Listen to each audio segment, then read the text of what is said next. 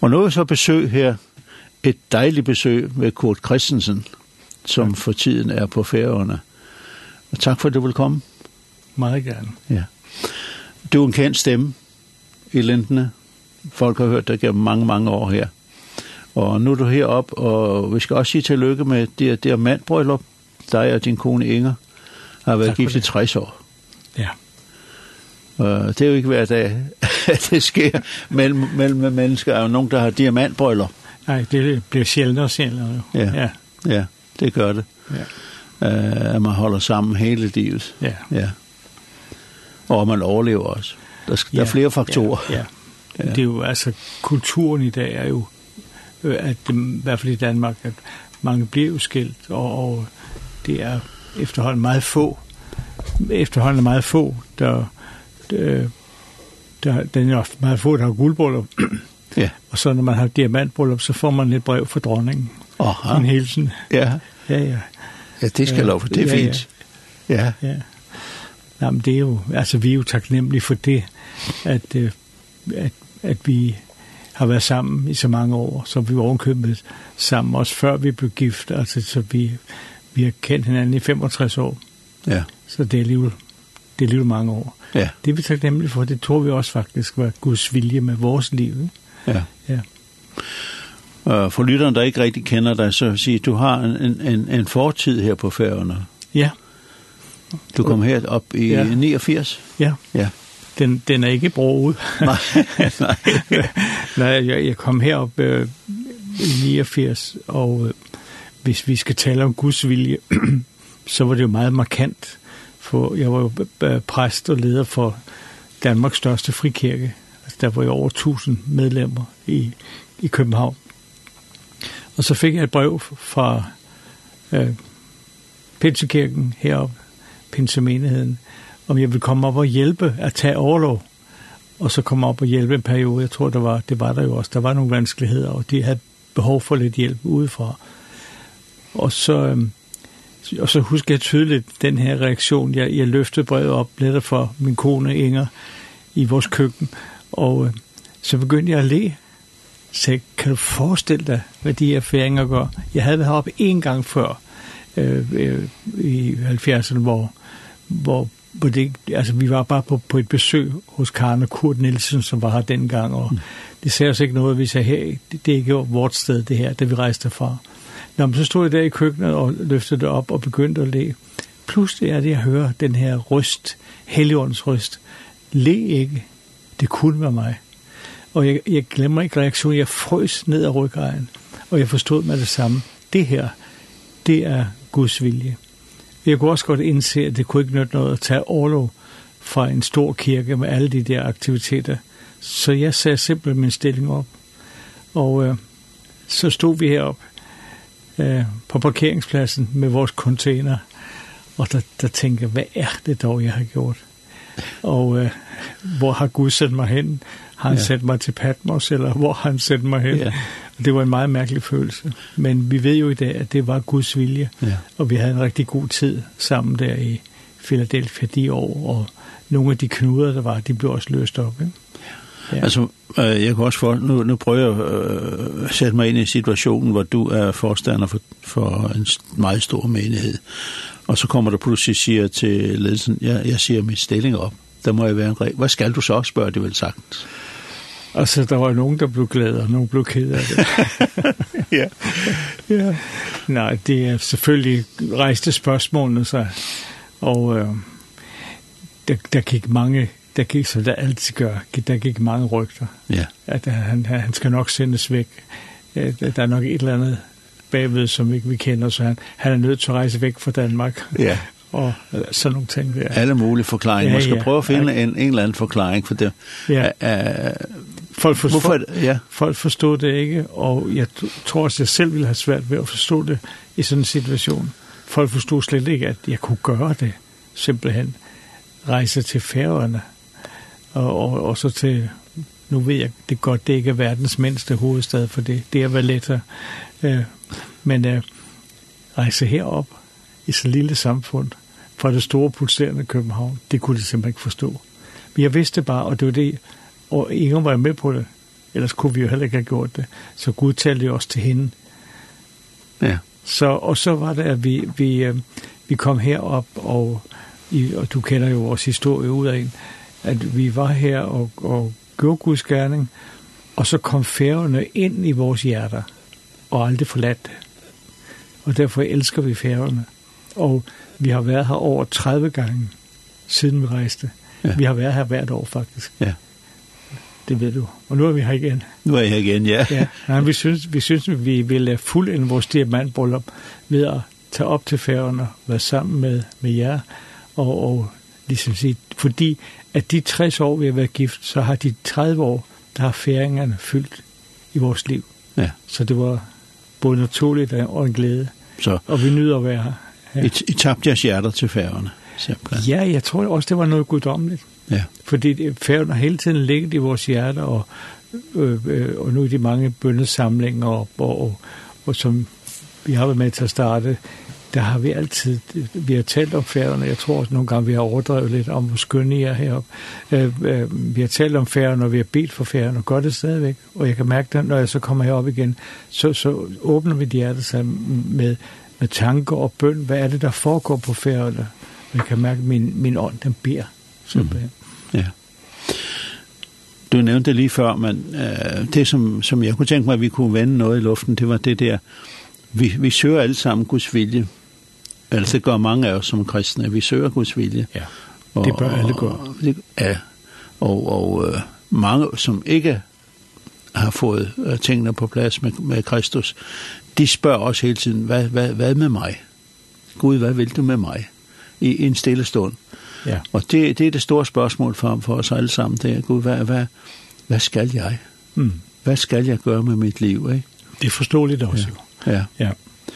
Og, og uh, helt fra ung, ung mand, hvor du har jo blevet, kan man sige, trukket ind i, i, i tjeneste for Herren. Det spørgsmål har du jo stillet dig utallige gange. Altså, til at begynde med, indtil det sad fast, og jeg forstod, at det her var Herrens vilje med mit liv. Det var ikke uden, det var ikke uden kamp. Og øh, jeg gik øh, jeg gik hele tiden med sådan en opsigelse i baglommen for, for, for tænkte, går det her, og så videre. Indtil, jeg tror, jeg var omkring 30, hvor jeg blev klar over, at det her, det er hans vej. Så smed jeg opsigelsen væk. Ja. Og, og jeg, har, jeg har været i det, siden jeg var... Jeg har prædiket evangeliet, siden jeg var 16 år. Så, ja. øh, og, og jeg har været i det i mange forskellige menigheder hele, hele mit liv. Ja. Og, og det har jeg følt, at det har været Guds vilje. Jeg er ikke helt sikker på, at det altid har været Guds fuldkommende vilje. For der er meget egoisme i os. Vi har et kæmpe ego alle sammen. Og det er jo det, der kolliderer med en andens vilje. Det er vores egen vilje. At vi vil, hvad vi selv vil.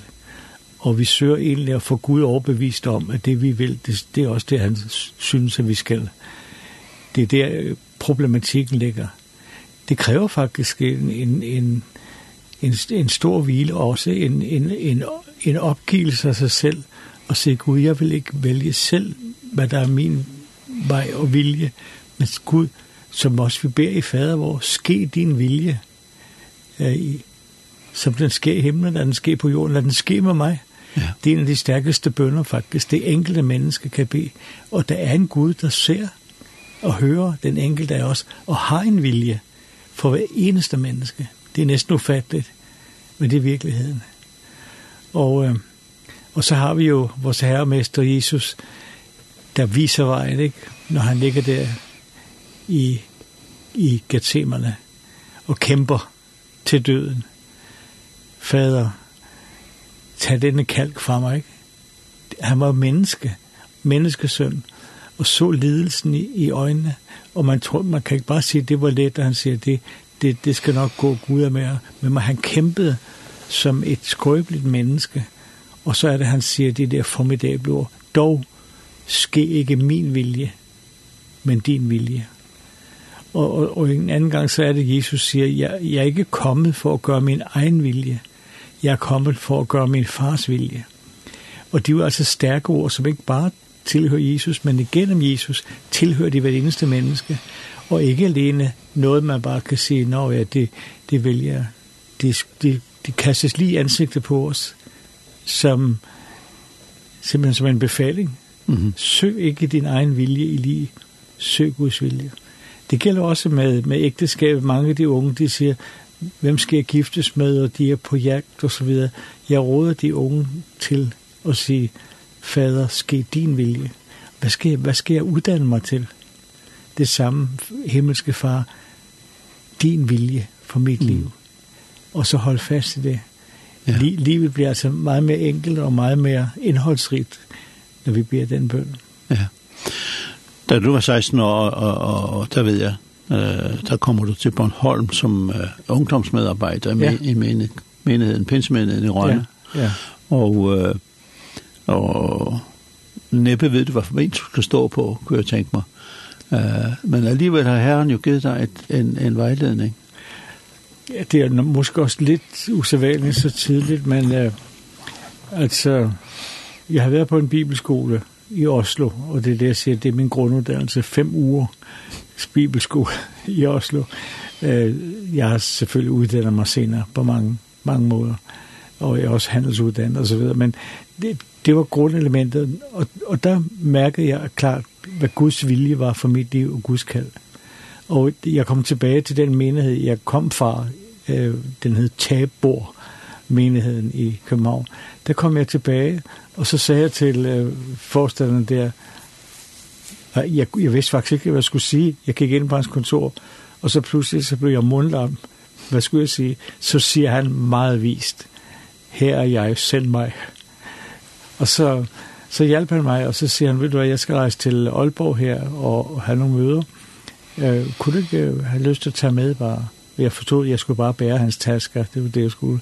Øh, og jeg siger, jo, men det gør jeg. Så var jeg med ham i Aalborg, og så begyndte jeg også at hjælpe lidt til i, i min, der, og der bad jeg meget netop om, Gud, hvad er det din vilje? Og så talte det til mig, det, den her ryst, jeg har lært at kende hele livet, øh, som jeg, jeg elsker, må jeg sige, og, og, og, og hele tiden lytter efter Helligåndens røst i mit liv, så satte Bornholm i mig. På en, og jeg har ikke noget forhold til Bornholm. Kun en irritation over, vi skulle lære de der byer udenad. Men, men jeg har ikke noget forhold til det. Og så sagde det Bornholm. Og så når jeg kom tilbage fra den der rejse, han, han øh, den her øh, præst der forstand, han siger, du kan blive her lidt endnu, og jeg giver dig en returbillet, så du kan komme tilbage igen. Så jeg blev der, han rejste, og jeg blev i den menighed i Aalborg. Det var meget interessant, for jeg besøgte den sidste år, og fortalte historien igen, og jeg, den har jeg besøgt flere gange. Altså. Men øh, så kom jeg hjem, og så, så der var to ledere, to forstander, meget markante mennesker. Så kommer den ene og siger, de har ringet fra Bornholm. Han havde sådan en sjov sang. De har, de har ringet fra Bornholm, at de har brug for en ung mand i arbejde, i ungdomsarbejde. Jeg tror, det er dig, sagde han. Så, så siger jeg, jamen det er mig, fordi det har, Gud har talt til mig, jeg skal til Bornholm. Det, jeg, jeg var sådan, noget var ung, ikke? Øh, der var ingen tvivl, jeg skal til Bornholm. Og jeg havde ingen konsekvenser eller noget som helst. Så kom den anden forstander, Og så siger det til ham, Bornholm, siger han, det skal du altså ikke gøre. De slår dig ihjel derovre. og så stod jeg mellem to, men jeg, jeg sagde til ham, jeg sagde til ham, jeg skal til Bornholm. Og så rygtes det sådan lidt i, i, i menigheden, at jeg skulle til Bornholm og hjælpe ungdomsarbejde. Og så var der nogen, nogen der gerne, specielt en, der arbejdede i magasin. Han kom og færede mig 50 slips. Det var dengang, jeg gik meget med slips. Og, så, og min jordiske ejendel, det var selvfølgelig lige et, et par skjorter, det tror jeg, jeg havde. Og så en sovepose. Så jeg rejste til Bornholm med en sovepose og 50 slips. Og så kom jeg der, det var, det var et... Ja. Bagefter, når jeg tænker på det, tænker, hvad, hvad er det dog, du har ja. gjort? helt vildt. Ja, ja. og det var så det, jeg mødte Inger, og så fik jeg en stærk indgang der. Nu bor vi der igen jo.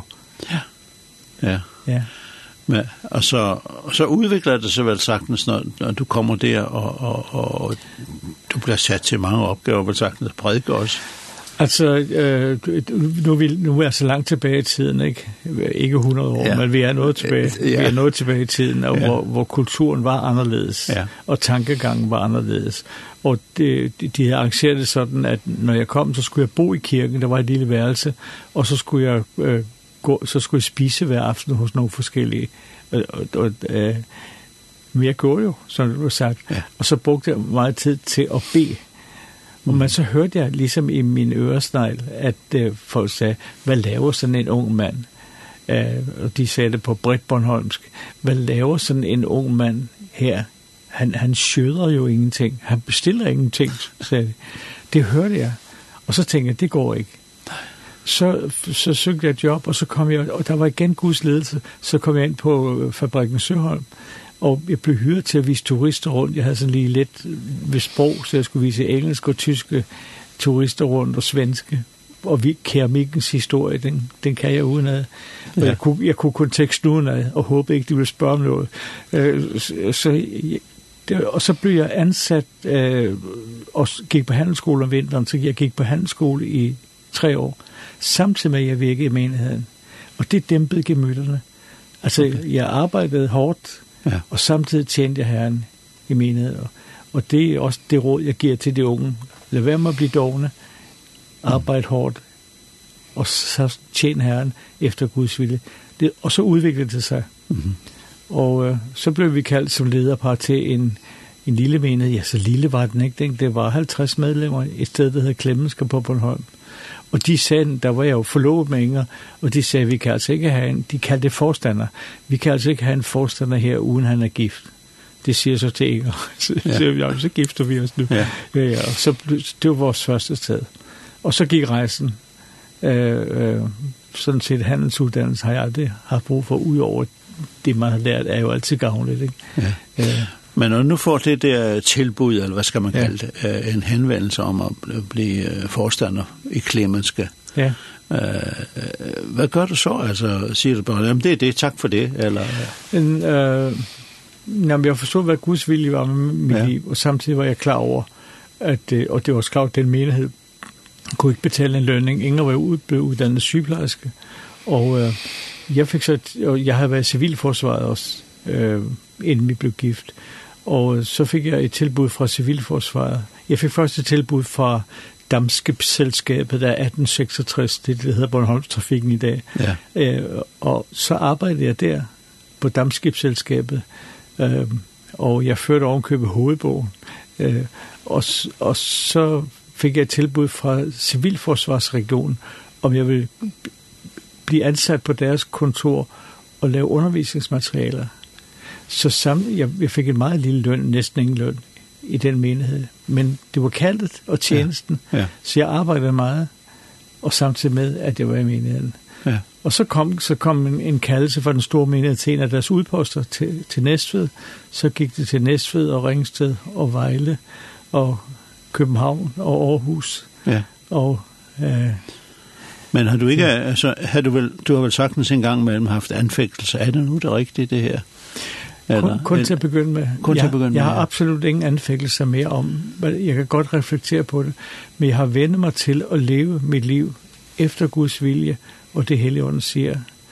Og samtidig med, så ved jeg også, at dybest set er jeg bunde egoistisk, og passer på hele tiden, at mit eget ego, det virkelig er, for at bruge meget religiøst ord, at det er korsfæstet med Kristus. Altså, mm. det er ikke mig, der lever. Det er Kristus, der lever i mig. Ja. Det er ikke fuldkommen, Preben. Men jeg forsøger at gøre det, og, og Helligånden er så stærk, så jeg er godt klar over, at når jeg er på arbejde, så, så får jeg nogen over nakken, ja. altså tilbage på sporet. Altså, det har jeg jo vendt mig til, og, og, det, og det må vi også sige her, det er altså ikke noget, der lige dumper ned. Det er en, en øvelse at leve og, og vandre, kan man sige, eller det er en, i Guds vilje, det er simpelthen en, en, en livsnødvendig øvelse, som udvikles hele tiden. Ja. Du snakker meget om, at øh, Helion, du vejledte Helion, men samtidig så siger, snakker du meget også om, at du bad meget. Ja. Du søgte Herren i bøn. Ja. Er, er der sammenhæng mellem det, at, at øh, høre, hvad Helligånden siger, og så øh, bruge tid i bøn? Ja, det er uundgåeligt. Altså, du kan ikke høre, hvis ikke du bruger tid, i, øh, hvis ikke hvis ikke, som, som Jesus sagde, gå ind i dit kammer og luk din dør, så be til din far, øh, og han vil høre dig. Altså, det, og det betyder, at man går ind og lukker sin dør og bliver stille og søger Gud indtil man hører fra Herren. Det, og det, det er ikke altid noget, der sker pludselig, men bare være helt stille. For Gud elsker hver eneste af os. Altså hver eneste mm. individ har Gud skabt. Og han vil tale til os og nogle gange må vi ikke nogle gange. Vi må gå den vej, han har vist os.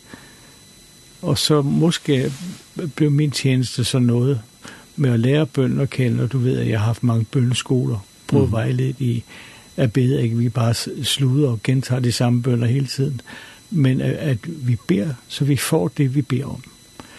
Og det har så været øh, en, en del af mit liv. Jeg kan ikke sige, at det er nogen opskrift, for der er ikke nogen opskrift fordi mennesket er så individuelt.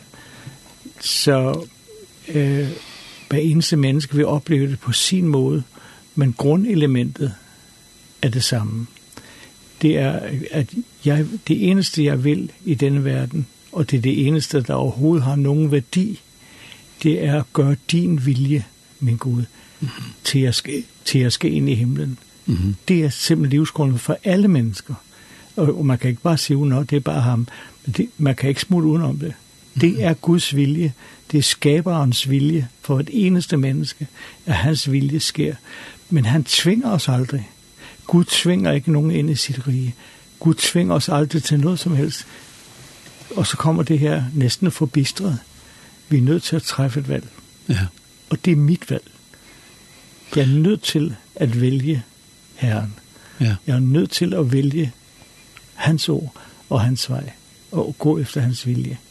Og det er det, og det, er det der er meget svært for, for mennesket, det er vælge, fordi vi vælger som regel det efter vores egne lyster, og vores eget ego, og nogen vil det, nogen vil være rige, og nogen vil det ene og det andet, og nogen er fyldt med, med mange ting og mange drømme, som egentlig er meget egoistiske drømme.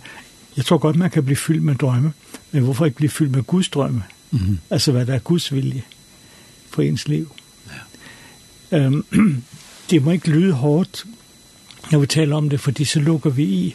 Så, så det, det er umuligt, og det er der nogen, der siger også i det her øjeblik. Det her, det er, det er umuligt, det kan jeg ikke leve op til. Jo, du kan. Det er så fantastisk, at der er en, der elsker dig. At Gud elsker dig, Jesus elsker dig, og Helligånden er også hos dig. Mere end du tror, for at forme dit liv og føre dig ind i Guds vilje, og ikke alene i Guds vilje, men i Guds fuldkommende vilje.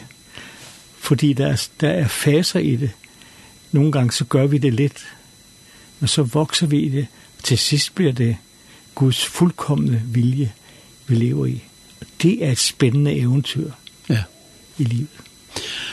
Vi skal lige høre et stykke musik, og øh, så kunne jeg tænke mig, hvordan at snakke lidt om, for du snakker om bønnen, og derigennem så hører du hvad Gud vil, men at udvikle en bønnekultur i, i det personlige liv, hvor det ikke bare er, nå, nu har jeg et behov, men, men jeg ønsker at være sammen med Herren. Vi skal lige høre Ulf Christiansson, han kender, kender du sikkert. Han har et, en, en, en dejlig sang her, Sale Vidshed. Åh oh, ja, yeah. ja, kender jeg. Ja.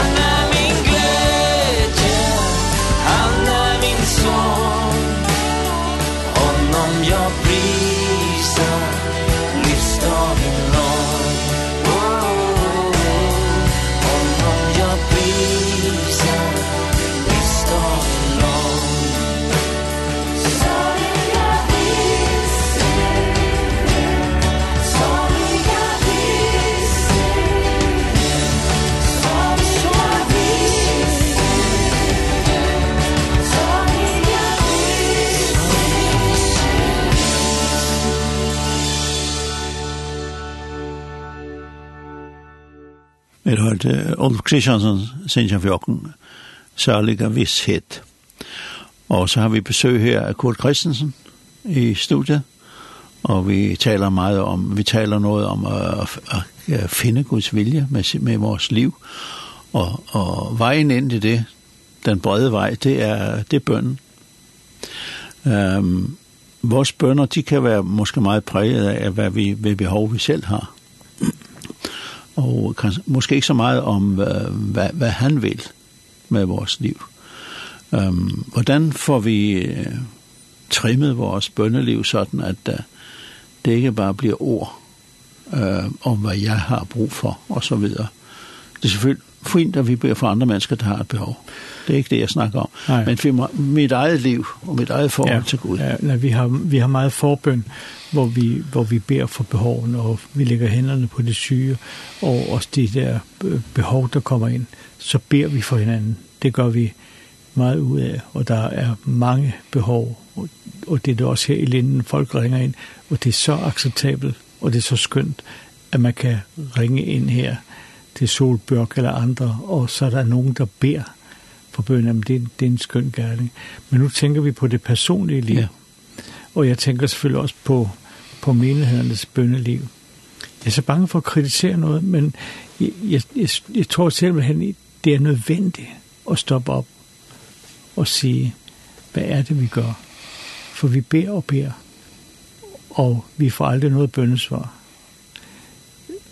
Og jeg tror, jeg tror faktisk, at nogle gange så bruger vi netop Gud som et servicebyrå. Jeg har et behov. Gud opfyld mit behov. Og allerede der er vi langt væk fra virkeligheden. Øhm, og jeg, altså, stillheden er Guds sprog. Altså, vi bliver ikke bønhørt for de mange ord og mange meninger. Og jeg siger gerne, ti stille. Hold din mund. Også i bedesamlingerne. Ti stille. Lad os nu gå ind i Herrens nærvær. At prøve at, at, at se og forestille os, både med vores fantasi og del, forestille os, vi er nær Gud. Hvad vil du kunne se, hvis du stod foran Guds trone og kunne se det? Tror du, du blive fuldstændig stille over al den herlighed, den magt, nådens trone, Du vil ikke plapre løs om det ene eller andet. Du vil stå der fuldstændig betalt og til i tilbedelse af hans herlighed. Spørg, Herre, hvad siger du? Herre, hvad er din vilje? Og så bed om Helligånden. For Helligånden har givet os i vores magt, til vores magtesløshed. Så bad Jesus faderen om at give Helligånden til alle dem han gav sitt liv for, og det er oss. For at vi ved Helligånden kan leve vores liv, tænke ret og leve ret, og sammen med Helligånden være i den rigtige bøn, hvor vi frimodigt kan gå frem for nådens trone. Jeg tror, når jeg ber, Fader, ske din vilje, så forklarer jeg ikke Gud, hvad det er, han skal gøre. Jeg har ingen forklaringer til Gud overhovedet. Jeg er bare hans vilje. Bare være helt stille. Og så opdager jeg rent konkret, at jeg bliver ledt i Guds vilje. Og se, i min alder, simpelthen, jeg bliver hele tiden ledt i Guds vilje, og jeg vil næsten sige Guds fuldkommende vilje. For jeg vender mig til, at ikke søge mig selv, og, og, og sker der ikke noget en dag, så nyder jeg også den dag. Hører jeg ingenting øh, for helligånden, så nyder jeg også det. Jeg ved bare, at jeg, han er der og, og måske det, det allerbedste, at vi slapper fuldstændig af og lægger det hele væk, og så bare nyder det. Gud, du, du elsker mig. Jeg er i mm. din nærhed. Så formes der så formes der bønden ved Helligånden, som er effektiv. Jeg kan ikke forstå det mere, Preben, at vi bliver ved med at bede om de samme ting, og der er ikke noget, der rokker sig der er det, øh, vi, vi kender, hvad vi, hvad vi beder om, ikke? Også nogle svære ting. Men vi siger, jeg løfter min sjæl til dig, fader. Ske din vilje, og til det forhold. Fader, tak, at du altid hører mig, når jeg beder, og du kender situationen. Du lægger det i dine hænder. Og så slapper jeg af. Jeg ved, jeg kan ikke gøre noget. Jeg er totalt magtesløs, fader, men det er dine kærlige hænder. Amen. Ja. Og så ikke mere lad være med at gentage det 10 gange om dagen. Øhm, altså, nu er Gud, nu, jeg tror ikke, Gud kan jo ikke blive træt, men altså, hvis han kunne, ville han være træt af alle vores ord. Mm. Jeg kunne godt tænke mig, at der, der skete en kursændring. Nu har jeg jo selv adgang til at undervise og vejlede, hvor, hvor jeg befinder mig, og vi øver os i det. Men det er svært at komme ud af vaner læg mærke til, hvor mange vaner vi har i vores bønder. Ikke? Ja. Og det er også fordi, så mener vi, nu har vi gjort vores pligt. Altså nu har vi bedt vores fader, hvor nu har vi gjort vores, vores pligt, nu har vi bedt lidt. Og så går vi igen uden at tænke på, hvad vi har bedt om, eller hvad det ja. i det hele taget er. Og så beder vi om det samme næste gang, vi beder. Ja. Jeg tror, vi skal stoppe op simpelthen. Vi skal stoppe op som på enkelte individer og alle kirker og menigheder sige, hvad er det, vi gør? Mm -hmm og så kom tilbage til det virkelige liv, Gud har skabt ved Helligånden. Ja. Det skaber altså noget helt andet.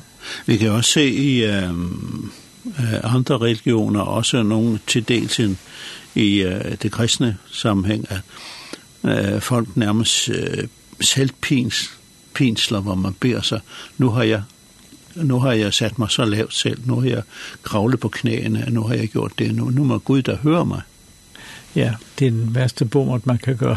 Ja. Ikke, ikke usrige, fordi du får aldrig noget af fortjeneste. Alt er noget. Ja.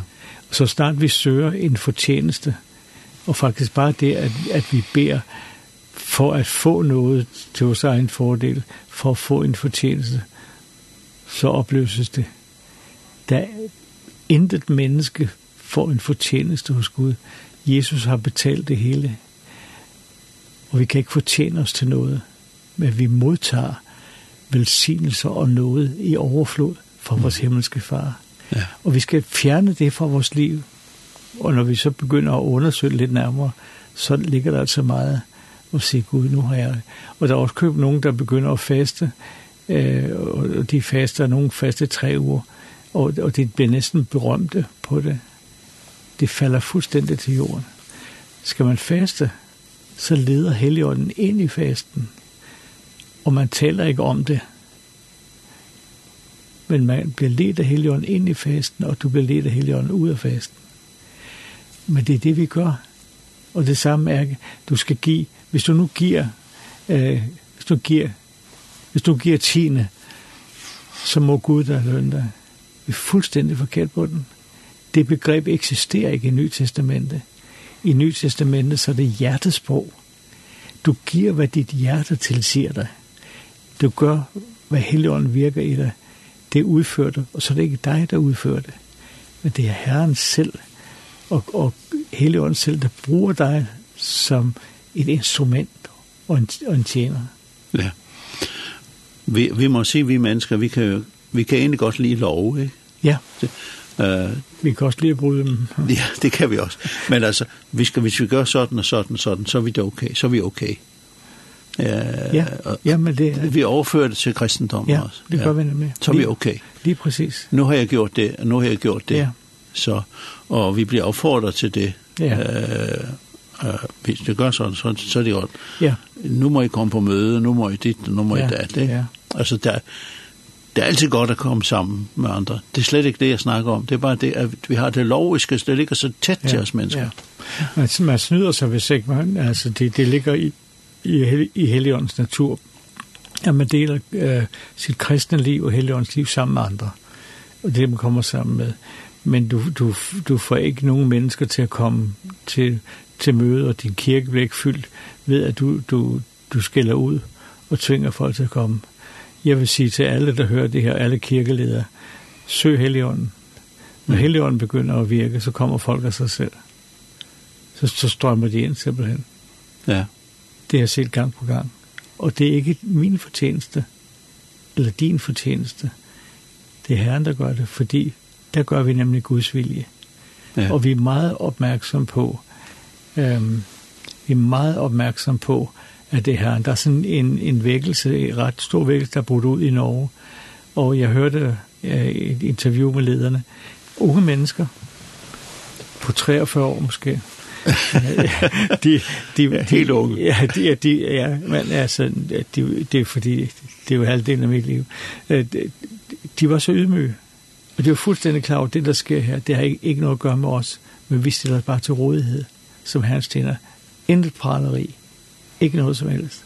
Og så strømmer folk bare ind. De kunne ikke forstå det. Hundredvis af mennesker i en lille bygd i Norge. Mm. Øh, Ja, altså, det ligger der. Ja. ja øhm, altså, nogen kommer nogle gange, fordi jeg er en gammel præst, ikke? Og, og så kommer de nogle gange og spørger om et råd, fordi de, de har sådan nogle drømme om, hvad de vil. Så siger jeg, jeg vil gerne give dig et råd. Du skal bare dø. ja. Dø på et åbent plan for dig ja. selv, ja. og vent på herren. Og det er ikke alle, der vil det. Men det er, det er vejen. Ja. Det er Guds vej, og vi er nødt til at forkynde Guds vej. Vi er nødt til at forkynde Guds vilje. Guds vilje, det er hans ord, og vi er nødt til at forkynde og vejlede i Guds ord, og sige, det er, hvad Gud har sagt. Bare tænk på det, hvor dynamisk hans ord er, åbenbaret ved Helligånden. Vi kan ikke lave vores egen religion. Det bliver så trist og ja. mørkt, og i grunden er vi med til at ødelægge mennesker, fordi vi, vi bilder dem noget ind, som ikke er der. Begynd at leve sammen med Helligånden. Begynd at gøre Guds vilje. Og du vil se, hvordan det breder sig til andre mennesker. Ja. ja. Altså, Jesus kom ikke for at begynde en ny religion. Nej. Han kom for at skabe liv. Ja. Ja. Og i overflod. Ja. Uh, ja. Det er svært at forstå. I han, overflod. Han, han stift, han, nu, han, det var jo det var ham, der skabte himmel og jord. ja. Så han, han, kom, han kom med liv, han kom med det evige liv. Han kom og skabte liv i os, og han kom og gav os vores rette bestemmelse i livet, og det er at tilhøre ham. Han siger, jeg skal være jer, og I skal være i mig, og i mig er I min far, og Helligånden er i jer. Det er livet. For hvert menneske. Og det er til at opnå.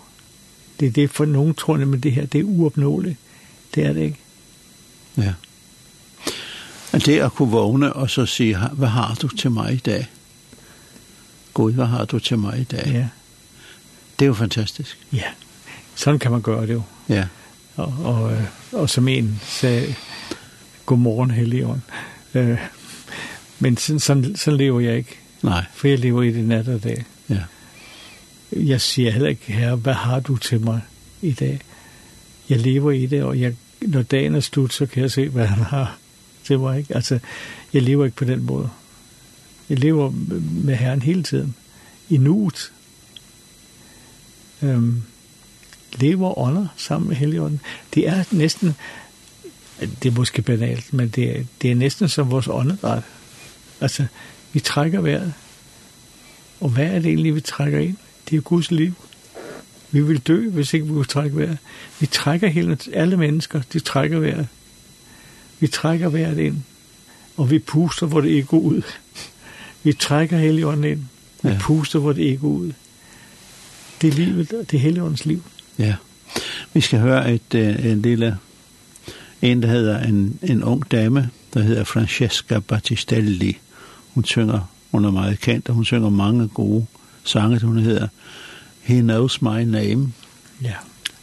Han kjenner navnet måske.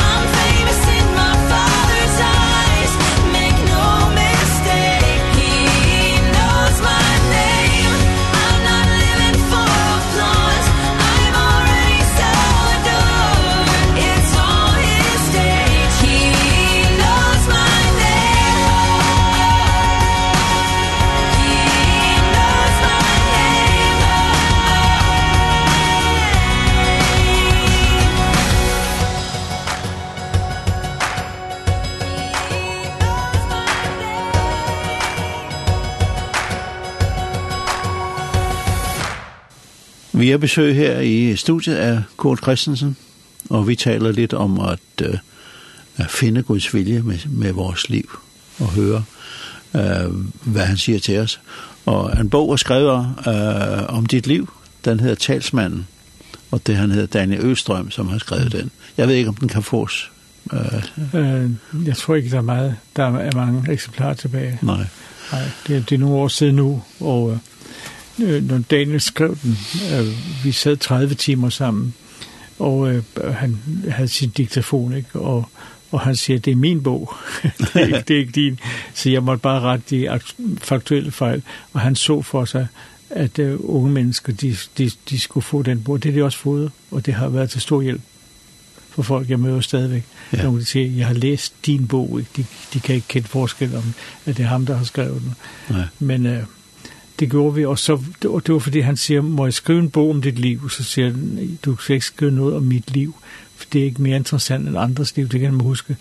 Men så hvis, du, hvis jeg kan få lov at tale om Helligånden, og det er derfor, han kaldte den talsmanden. Ja. Øh, og, og det, er jo, det er jo det, der er det fantastisk i vores skrøbelighed, så sendte faderen Helligånden, og, og Jesus kaldte det talsmanden, og på græsk parakletos, som i grunden betyder en sagfører, en, en, der, en, der fører vores sag, en, en, en helligånd, en ånd, helligånd er, er den tredje person i guddommen, han er en person, og det, det var virkelig en åbenbaring for mig i, i ret tidlig liv. Helligånden er en virkelig person, du omgås med ham som en person, du tilbeder ham ikke, tilbeder Kristus alene, tilbeder faderen ved Helligåndens hjælp men Helligånden bor i dig. Bare tænk på, at Helligånden bor i dig. Påvirker dine tanker, påvirker dine mig og leder dig til Guds vilje, leder dig til Kristus, forvandler dig, så du bliver mere og mere lige med Kristus, og lever ligesom Kristus i denne verden. Mere og mere hellig, mere og mere indviet. Det hjælper Helligånden dig med, og Helligånden hjælper med at gøre Guds vilje. Det er ikke bare en tåge. Mm. Helligånden er en, en realitet, og det er det, jeg kan vidne om i hvert fald, jeg har set og ved. Jeg ved også, at Helligånden er her i det her studie, hvor vi sidder. Helligånden er i os. Helligånden giver os tankerne. Og vi sidder sådan en samtale. Det er ikke bare os, der toser og toser ud i luften. Helligånden er her og for at forme noget til nogen, og der er nogen, der sidder og lytter øh, og, og bliver ligesom rørt i deres hjerter, mm -hmm. og får en vejledning fra Helligånden til det liv, vi er skabt til i Kristus og kaldet til. Ja. Helligånden er alle steds nærværende. Helligånden er i Ukraine, Helligånden er i Rusland, Helligånden er over hele jorden, i alle kulturer, alle nationer. Gud gav Helligånden, sendte Helligånden på pinsedag. Ja. Han, han, øh, Jesus siger til sine øh, disciple, at øh, jeg bliver nødt til at tage afsted. Ja på, på sådan almindelig dansk. Ja, ja. Men, men jeg skal sende en til jer, der hedder ja, talsmanden. Ja. Og han skal, vente. han skal fortælle ja. hele sandheden. Ja. For det er også ligesom, de forstår det ikke rigtigt. Nej. Men det gør vi jo heller ikke. Vi nej. forstår det jo heller ikke. Nej. Og alligevel kan han fortælle os sandheden, dig og jeg, altså, vi får det brudstykker, så forstår ja. vi det mere og mere. Ja, ja. Det er derfor, vi skal gå til, til menigheden også og, og lytte. Altså undervisning og bøn er de to fundamentale ting i enhver menighed så lytter vi til Helligånden, så bliver vi vejledt, så lever vi et meget bedre liv. Og så, bliver, og så er det ikke bare os isoleret. Vi begynder at tjene Kristus i denne verden. Og Helligånden leder os i denne verden. Det ser vi jo selv i vores liv. Eh der, hvor vi bor, vi har straks en, en, en gerning for Herren blandt de mennesker, hvor vi er flyttet hen nu. Sådan er det hele tiden. Og hver dag har vi oplevet, at vi har kontakt med mennesker på, på den mest underlige og nogle gange mirakuløse måder. Ja. Hvor vi næsten uden ord, men vi er der bare og taler, så, så er Helligånden der. Mm -hmm. Og så er der en vejledning for ja. Kristus. Kritik du op, opmuntrer nu, og når du har gjort det, eller sagt, så tænker du, hvor kom det fra? Jeg tænker ikke sådan mere, fordi ja. det, det, det tror jeg ikke, du gør, men jeg, vi, vi bliver opbygget i det. Men jeg skal huske på, at Jesus talte om Helligånden, han, og han, han er meget skarp, når han taler om Helligånden, og siger, I må ikke tale dårligt om Helligånden. I må ikke sige et ord imod den Helligånd. Den Helligånd er, altså fader, søn og Helligånd er et. Mm. Og ære hinanden hele tiden. Øh, I må ikke tale et ondt ord om Helligånden. Helligånden mm. er virkelig hellig. Men hel, jeg har sendt det bedste og herligste, vi har i trinene, har jeg sendt til jorden for at være iblandt jer. Mm. Og være hos jer. Og du ved selv, Preben, når Helligånden er iblandt os, så er tingene anderledes. Og det er her, vi, vi, vi laver kirker uden helligånden. Jeg kan slet ikke forstå, at vi gider. Men masse, masse arbejde, masse kræfter. Vi synger og synger, og masse instrumenter, dyre bygninger. Men helligånden er ikke til stede. Mm. Det er vores eget værk. Ja. Um, ja, han er også, som du sagde nu, er, er så meget streng om, om ikke at sove helligånden. Ja. Ja. Ik ikke bringer ham sorg. Bedrøv, der står ja. tydeligt bedrøv, ikke hos helånden, så faktisk er der, er der nogle klare regler for det. Altså for eksempel, lad være med at lyve til sandhed. Lyver du det mindste, så bedrøver du helligånden. Giv ikke djævlen nogen form for råderum i dit liv. Ja, ham væk. Gå din vej, djævel. Tal ikke dårligt om nogen. Lad være med at bagtale. Mm. Ja. Og så er det nemlig står, bedrøv ikke Guds helligånd, som I, I blev besejlet med, ja. indtil den dag, hvor vi skal indgå i herligheden. Ja, han går så langt, han siger, vel sent en fjender? Ja, ja, det er også, ja. men det, det er meget konkret, for det der, og, og det har jeg mange historier om. Og jeg har også været i bønneskoler, hvor jeg må sige, må jeg lige tale med lederne. Helligånden er, kommer ikke igennem her. Hvorfor? Er der noget i vejen? Hej, hvad med jer? Er der noget i vejen? Og så kommer det frem, at der er kritik og problemer i menighederne. Helligånden kommer ikke til. Vi cykler bare derud af, der sker ikke noget. Vi kan lige så godt gøre op, bekende vores synder, elske hinanden, gøre det, der relaterer til Helligånden. Helligånden relaterer til, til, til kærlighed, til Kristi kærlighed. Helligånden relaterer til, at vi herliggør Kristus hele tiden med vores liv. Helligånden relaterer til, at vi er villige til at dø selv på et åbent plan så er heligånden der. Så snart vi begynder at lege med det, så... Mm -hmm. Og så snart vi netop begynder med, med vores ego og underhold og så videre. Helligånden har ikke brug for nogen effekter. Han gør det selv. Ja.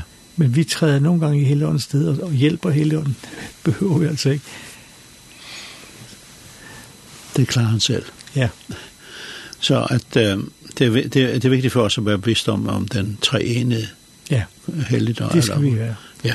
Ja, og, og ikke, sove, ikke sove Helligånden. Ikke så Helligånden, men som en sagde, lad os danse med treenigheden. Ja. Og tænke på, at vi får lov til at være sammen med treenigheden ja. i vores ånd. Ja.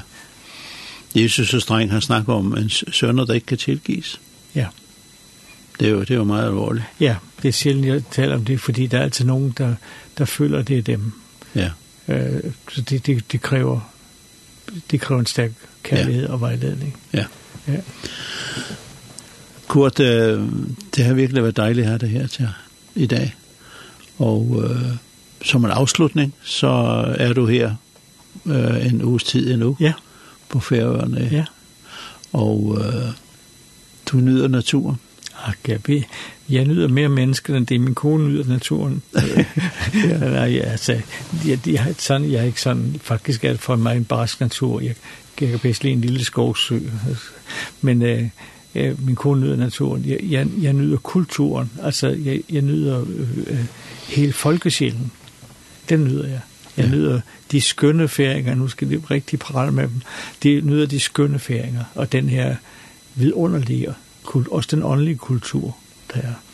Og jeg vil så gerne være en, en del af det og hjælpe til. Ja. Så vi, vi finder, øh, vi finder lige øh, en afslutning her.